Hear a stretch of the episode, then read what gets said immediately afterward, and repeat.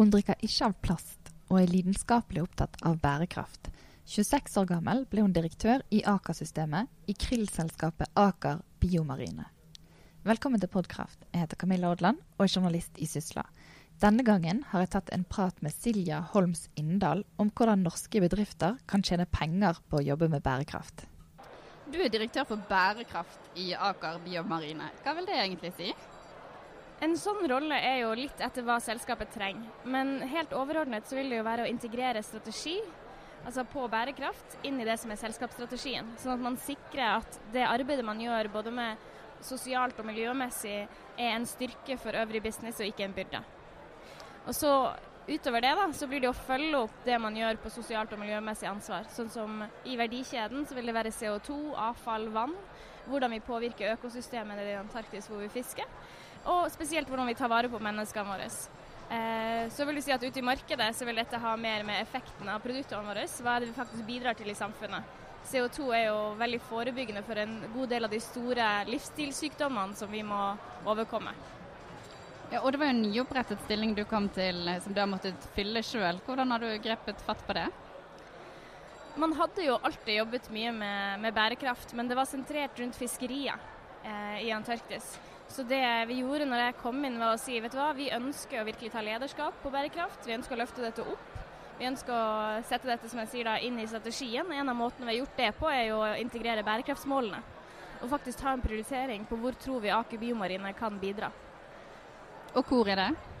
Da har vi valgt ut fire mål. Eh, det er viktig at når man som business prioriterer mellom bærekraftsmålene, at man ser på det store bildet og, å, gå gjennom alle målene, men at man tør å prioritere. Men dette betyr at man ikke skal neglisjere noen av de øvrige målene. Det betyr at selv om vi ikke har prioritert likestilling, så betyr det ikke at vi ikke skal følge det opp i vår egen organisasjon.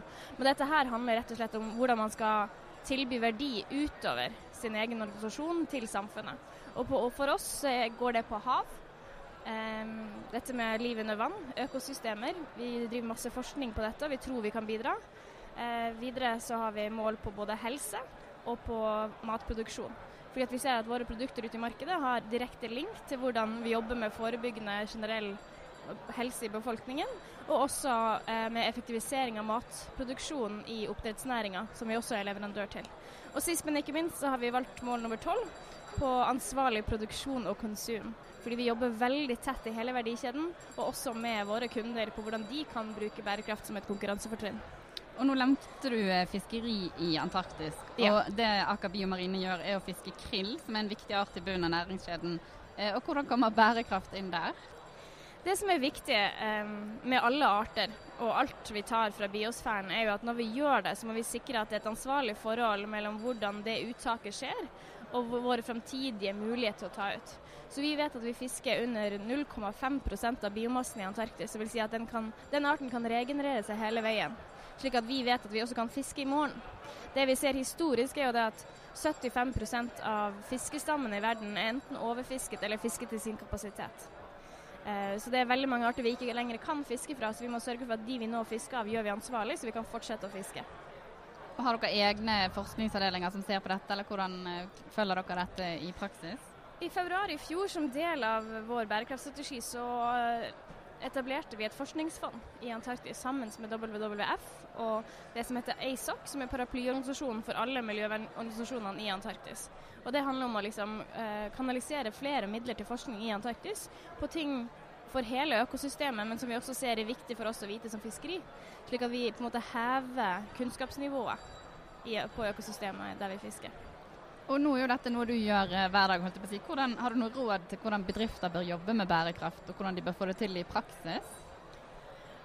Jeg tror det er tre ting. og Det ene er jo dette med å faktisk ha den diskusjonen på hvordan man, man hører hjemme i det store bildet. Vår puslebrikke. Hvor hører vi til i det store bildet? Det må man faktisk forstå før man kan begynne å jobbe med det her. Og så er det viktig å ta tak der skoen trykker. Ikke gjør de tingene som er mest hyggelige, men der du tror dette her er viktig for vår business i framtida. Og så må man, man må ha på seg forretningsbrillene. Fordi at den eneste måten bærekraftige selskap kan utkonkurrere ikke bærekraftige selskap, er ved å tjene mer penger enn det. Så det er utrolig viktig for meg at vi gjør dette her til konkurransefortrinn. Vi gjør dette her til noe som styrker business, og ikke noe som blir en byrde. Ja, for Hvorfor bør man egentlig jobbe med bærekraft som bedrift? Jeg vil si at Den største fordelen er at man får et oversiktsbilde. Man får en, en dypere forståelse av hvordan man driver business, og hvilken plass denne businessen har inn i framtida. Eh, Marius Holm i Zero, fra Zero sier jo ofte dette her med hvis vi skal ta ned CO2-utslippet, eh, så skal man egentlig ta ned det et kilo eller tonn CO2 der det er billigst å ta det ned. Men hva hvis dette her er en bransje som vi ikke tror vi har i framtiden? Da burde vi heller bruke mer energi på å ta ned eller mer, måte, uh, mer, midler til å ta ned CO2, der vi tror at dette her er en bransje som kommer til å bli viktig også i framtiden. Men for en bedrift som skal i gang med å jobbe med dette, hva blir utfordringene der? og Hvordan, hvordan kan de klare å få det lønnsomt, sånn som du sier at eh, de må gjøre? Den største utfordringen er jo nettopp det du snakker om. Eh, du må ha tillit til at bærekraft faktisk skaper verdi, og du må ha forankring i ledelsen.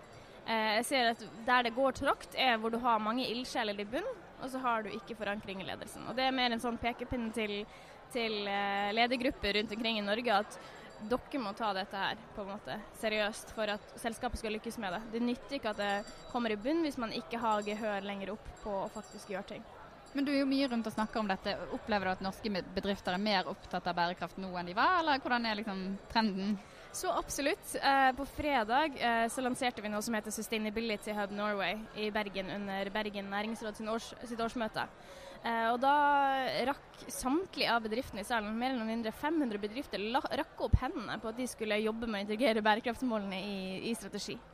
Og jeg tror det dels er ønsket. De sier at det blir veldig veldig relevant. Det kan være at jeg kjørte en hensebrekning fra salen, og at de, de, sa seg villige. Men vi har fått så utrolig god respons og mail inn til uh, Sustainability Hub på folk som på en måte vet at dette her blir viktig for business. De vet at de må jobbe mer med det, og de har lyst til å lære mer.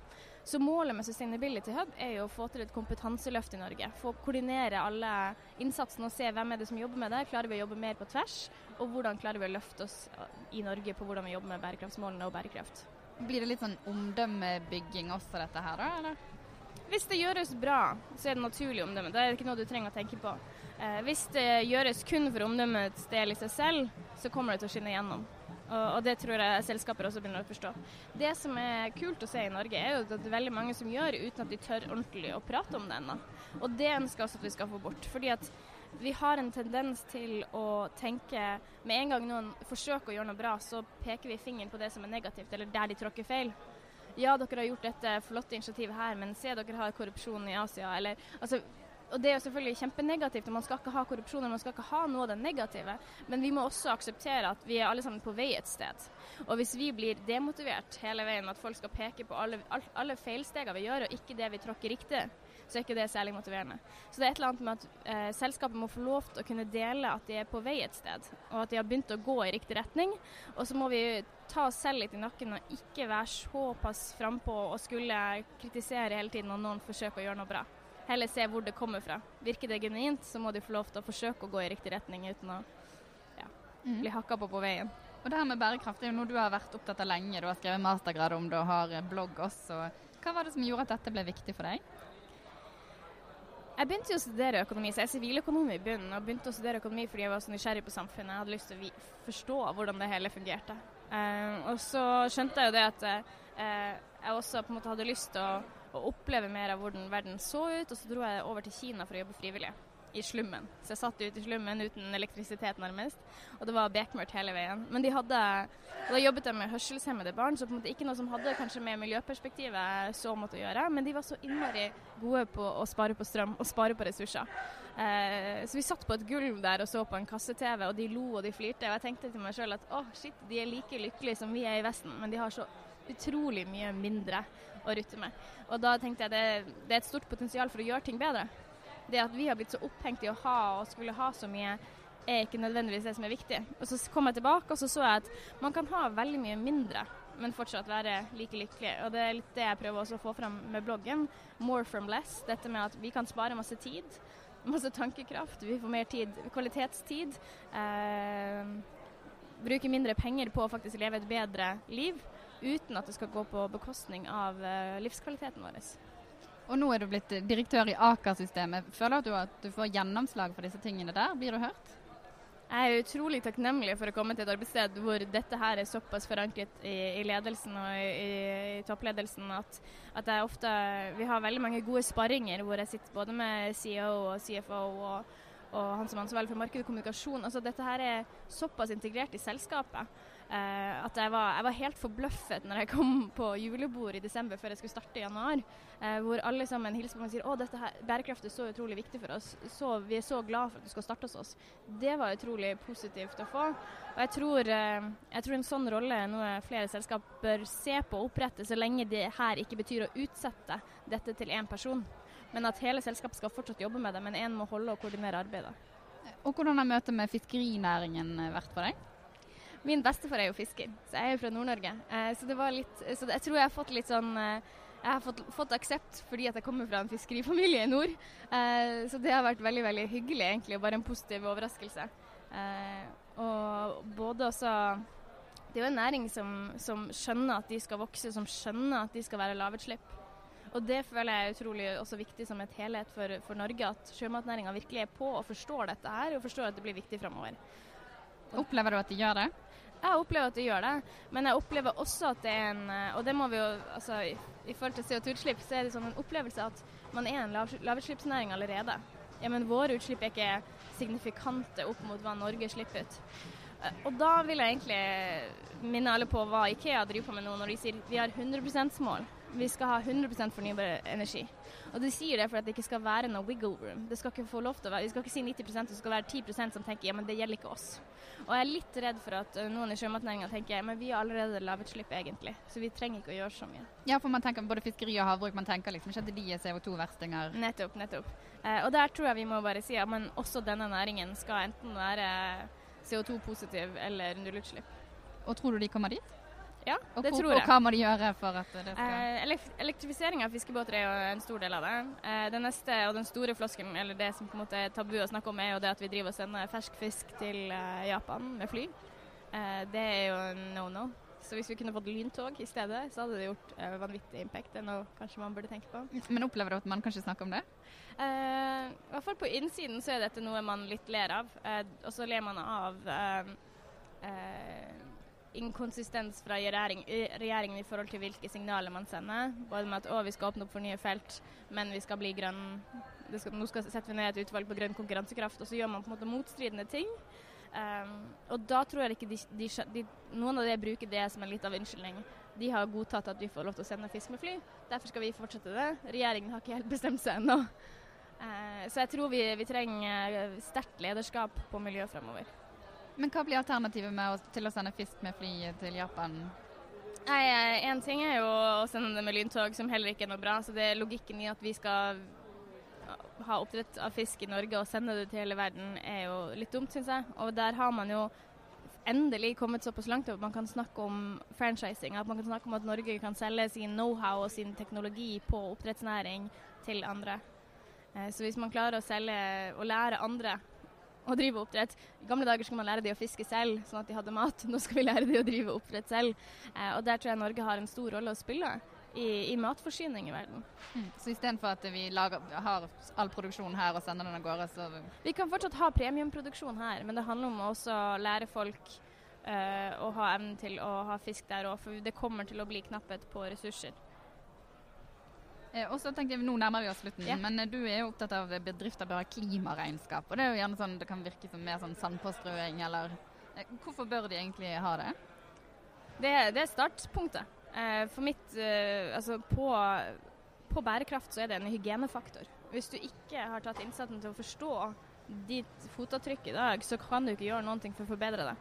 Så klimaregnskap er på en måte Kall det fase null.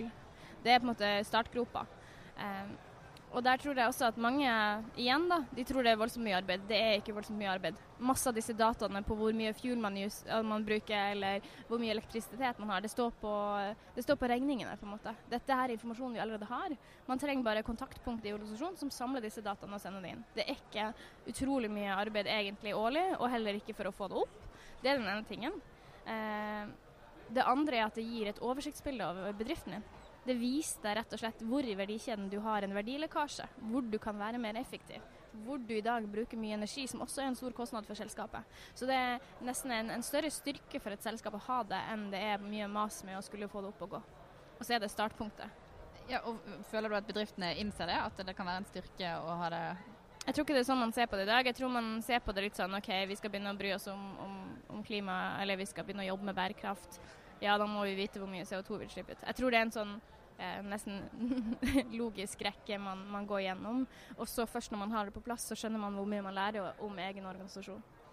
Og Vi er på Zero-konferansen nå, det er derfor det er så mye lyder rundt oss. Og Her er temaet å gå fra fossil til grønn særstilling. Hvordan tror du Norge kan klare det? Det er litt som jeg sa innledningsvis, at jeg tror vi eh, Vi har lenge vært, og det ser man jo også på de som har passert stand her, og, og sånn at det er de som jobber på bærekraft og de som er framme i feltet, det er veldig få. Det er, en, det er på en måte en liten gruppe mennesker, og nå skal den bli mye, mye større. Eh, nå skal plutselig alle gjøre noe. Eh, I hvert fall det jeg opplever når jeg er rundt og snakker om dette temaet, er at nå er det utrolig mange som vil sette i gang. Og da må vi ha et apparat i Norge som oppmuntrer de til å sette i gang, og som gjør det umulig å bli igjen. Og Det handler jo om insentivene og hvilke signaler regjeringen gjør. Vi vet et legg på ti år fra Parisavtalen i at disse reguleringene på CO2 f.eks. skal komme i gang, på at det blir vanskelig å ha, være høyutslipp. Um, så da må vi sørge for at vi begynner å handle nå, og ikke om ti år å få måte, den smellen og den, de investeringene da. Uh, så det må gjøre mye med insentiver til bedrifter for at de skal ha lyst og fordeler ved å sette i gang tidlig. Og da lar vi det være siste ord. Tusen takk skal du ha. Takk. Du har nå hørt på Podkraft, Sysla sin faste podkast om det grønne skiftet og klima. Du kan abonnere på podkasten i iTunes eller din faste podkastspiller. På gjenhør.